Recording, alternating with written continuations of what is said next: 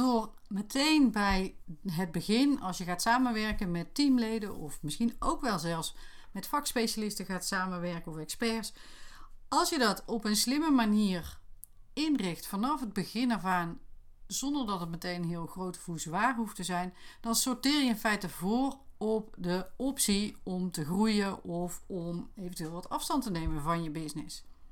En ik denk dat het belangrijk is om dat op die manier aan te vliegen, zodat je, nou ik zal niet zeggen zekerheid hebt, maar dat je in ieder geval het gevoel creëert van uh, rust. Dat als er eens iets onverwachts gebeurt of dat je wat afstand moet nemen van je business, dat dat ook kan zonder dat het meteen uh, in elkaar stort. Welkom terug bij de Making Systems Work podcast. In deze serie, de Business Backend Basics, neem ik je mee naar ervaringen van mezelf en de ervaringen van de dames die ik heb geïnterviewd in de afgelopen maanden. En die gaan dus specifiek over de Business Backend Basics. En in deze aflevering deel ik iets over het samenwerken binnen je bedrijf met je teamleden en experts of vakspecialisten, net hoe jij ze noemt, die je inhuurt, al dan niet op periodieke basis. Er is een aantal dingen dat mij opgevallen is in de interviews die ik heb gedaan. Uh, dat weet je misschien wel. Ik heb een uh, serie vrouwen geïnterviewd die een online business hebben en daar behoorlijk succesvol in zijn. En een, dat was van zeg maar de solo entrepreneur tot met een, uh, een team van der, 12, 13 mensen. En, en, alles wat daartussenin zit. En daar zitten grote verschillen in. Uitbesteden ten eerste blijkt soms best lastig. In die zin dat het uh, heel goed ja, belangrijk is, maar dat hoef ik je niet te vertellen, om goede afspraken te maken, zodat je ook weet wat je van elkaar kan verwachten. En het tweede is dat een, uh, het ondersteunen van je business met automatiseringen heel veel kan besparen op de teamkosten. Dat gezegd hebbende is het nog steeds zo dat die ondernemers die gekozen hebben om samen te werken op reguliere basis met uh, ondersteuning, dus het zij voor hun vak mensen die een gedeelte van hun werk uit, uh, uit handen nemen, bijvoorbeeld het voorbeeld van Donna Huizenveld, die een, uh, ja, in feite een tekstbureau heeft. En uh, zij schrijft niet alle teksten, maar zij zorgt wel voor de eindredactie van alle teksten. Zij heeft dus een deel van haar core competenties uitbesteed aan andere mensen. En dat zijn weliswaar ZZP'ers, maar die werken in principe in haar of in opdracht van haar. Daarnaast heeft ze nog aanpalende activiteiten zoals uh, SEO, uh, zoekwoordenonderzoek, linkbuilding. En dat biedt ze allemaal aan. Zij heeft met degene die haar teksten uh, schrijven, dus het stukje core business, daar heeft ze strikte of goede afspraken gemaakt over hoe ze dat, hoe ze met elkaar communiceren en hoe ze zorgen dat de deadlines gehaald worden en hoe de, de, de controle plaatsvindt, et cetera. Een tweede persoon die een vergelijkbare, uh, niet zozeer een vergelijkbare business heeft, maar een vergelijkbaar idee heeft, een samenwerken met ZZP'ers en dan per project mensen inhuren is uh, Esther Methorst van Webjuffie.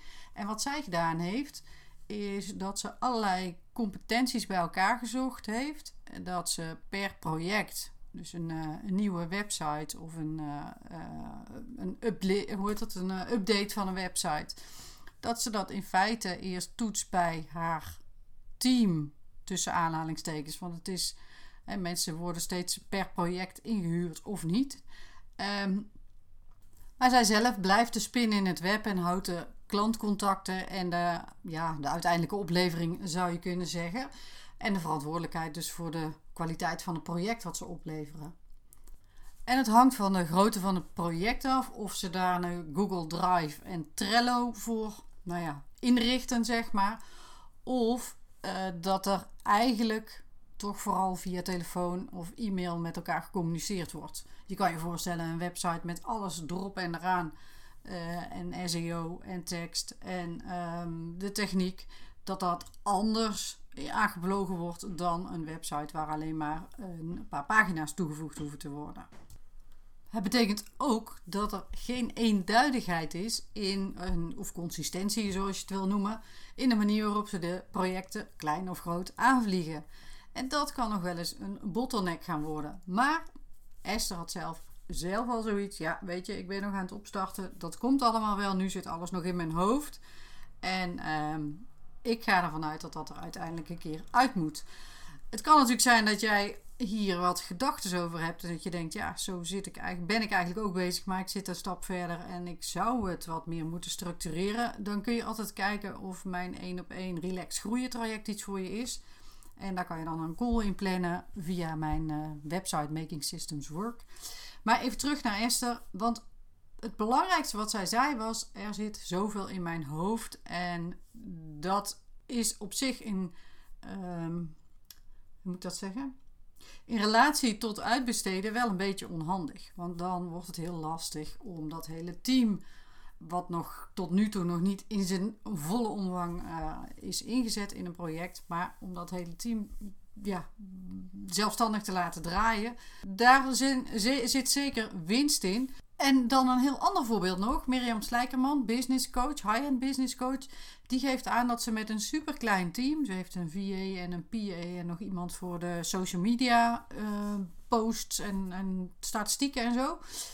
Um, hij zegt, ik heb de taken gewoon heel helder belegd. Dus het is heel duidelijk wie wat doet in ons team. En dan hebben we soms ook nog overleg. Maar dat valt eigenlijk in frequentie nog wel mee. Want het is gewoon duidelijk wat er, uh, wat er moet gebeuren. Dus ik schakel ook alweer als spin in het web met al die mensen. En dan, uh, dan komt het uh, eigenlijk altijd op zijn pootjes terecht. En als ik denk dat het de verkeerde kant op gaat. En mensen misschien wel te veel hun eigen ja, ding doen of een eigen input leveren, dan trek ik de touwtjes weer strak en dan lopen we weer allemaal dezelfde kant op. Nou, wat wil ik hier nou allemaal mee zeggen?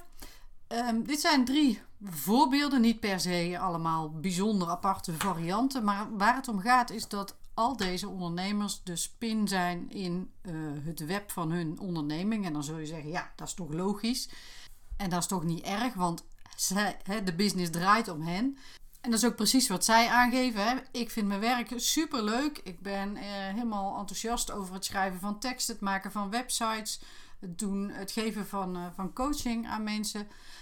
Um, maar op het moment dat je je bedrijf laat groeien en um, je hebt geen systemen in place.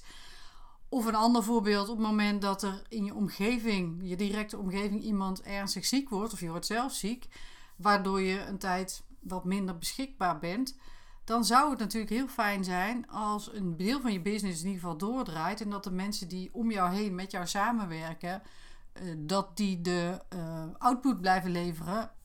Niet zozeer per se de output blijven leveren, maar wel ook op een manier, op een niveau dat jij daar nog achter kan staan en dat je daar geen zorgen om hoeft te maken. En misschien denk je dan wel, ja, heb je haar weer met haar systemen en de processen.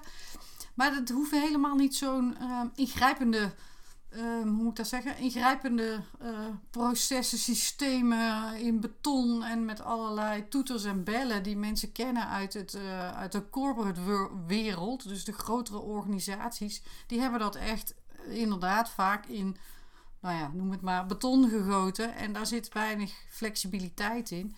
Je kunt met relatief eenvoudige afspraken en relatief eenvoudige software al heel veel consistentie brengen, waardoor de, het, het laten doordraaien steeds minder moeite kost.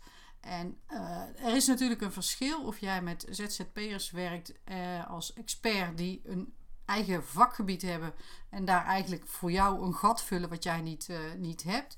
En aan de andere kant teamleden die of meer doorlopende taken als het invoeren van de administratie of het bijhouden van de administratie, financiële administratie. Misschien heb je nog wel andere administratie, uh, klantonboarding, onboarding, uh, klantsupport, mail en inboxbeheer. Dat is hetzelfde. Uh, agendabeheer bedoelde ik. Nou, dat soort meer doorlopende zaken. Dan heb je een andere manier van samenwerken natuurlijk. En die kan al sneller doorlopen. Maar dan nog steeds is de bedoeling dat je je team zo in, uh, inwerkt, inricht, dat het redelijk zelfstandig kan draaien. Zonder dat ze elke keer bij jou moeten komen vragen. Of dat ze eigenlijk afhankelijk zijn van jouw goedkeuring, jouw input, jouw ideeën, jouw opzet. En ik ben ervan overtuigd dat dat kan in elk businessmodel. Je kan het zelfs voor jezelf doen.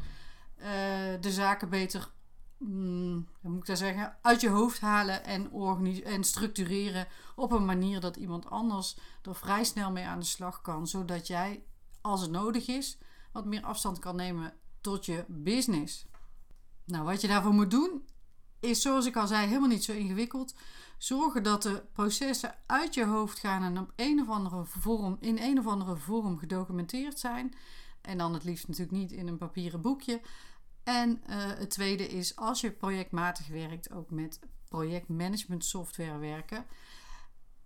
En dat is eigenlijk de basis. En heel veel dingen kun je als project inrichten. Dus in die zin zul je al snel aan een projectmanagement tool gaan denken. Maar denk dan niet aan, aan Visio en grote Gantt charts en weet ik veel wat voor ingewikkelde dingen die je misschien kent uit de corporate wereld. Dat kan echt veel eenvoudiger. Nou, mocht je nou denken, ik vond dit een interessante aflevering, dan hoor ik dat heel graag van je, want ik ben heel benieuwd. Het is een nieuw type podcast wat ik deel. En uh, ik hoor heel graag de reacties, je feedback, eventuele aanvullingen als je die hebt, uh, of ervaringen uit je eigen praktijk. En uh, mocht je nou denken, oh, dat is toch eigenlijk iets waar ik mee aan de slag wil, dan uh, plan een call in via makingsystemswork.nl. De link vind je in de show notes. Um, en tot slot, ik zou het heel leuk vinden om deze podcast wat meer te boosten. En dat uh, kan met jouw hulp. Als je het interessant vond, deel dan ook een review.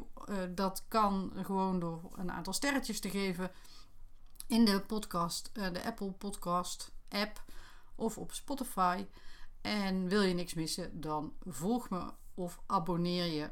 Uh, de ene is op Spotify volgen en abonneren via de Apple Podcast. Een beetje uniformiteit daarin zou eigenlijk wel handig zijn, maar dat is niet zo. Voor nu wens ik je een hele fijne avond, nacht, dag, waar dat we ook zitten. Misschien wel vakantie. En uh, tot de volgende aflevering.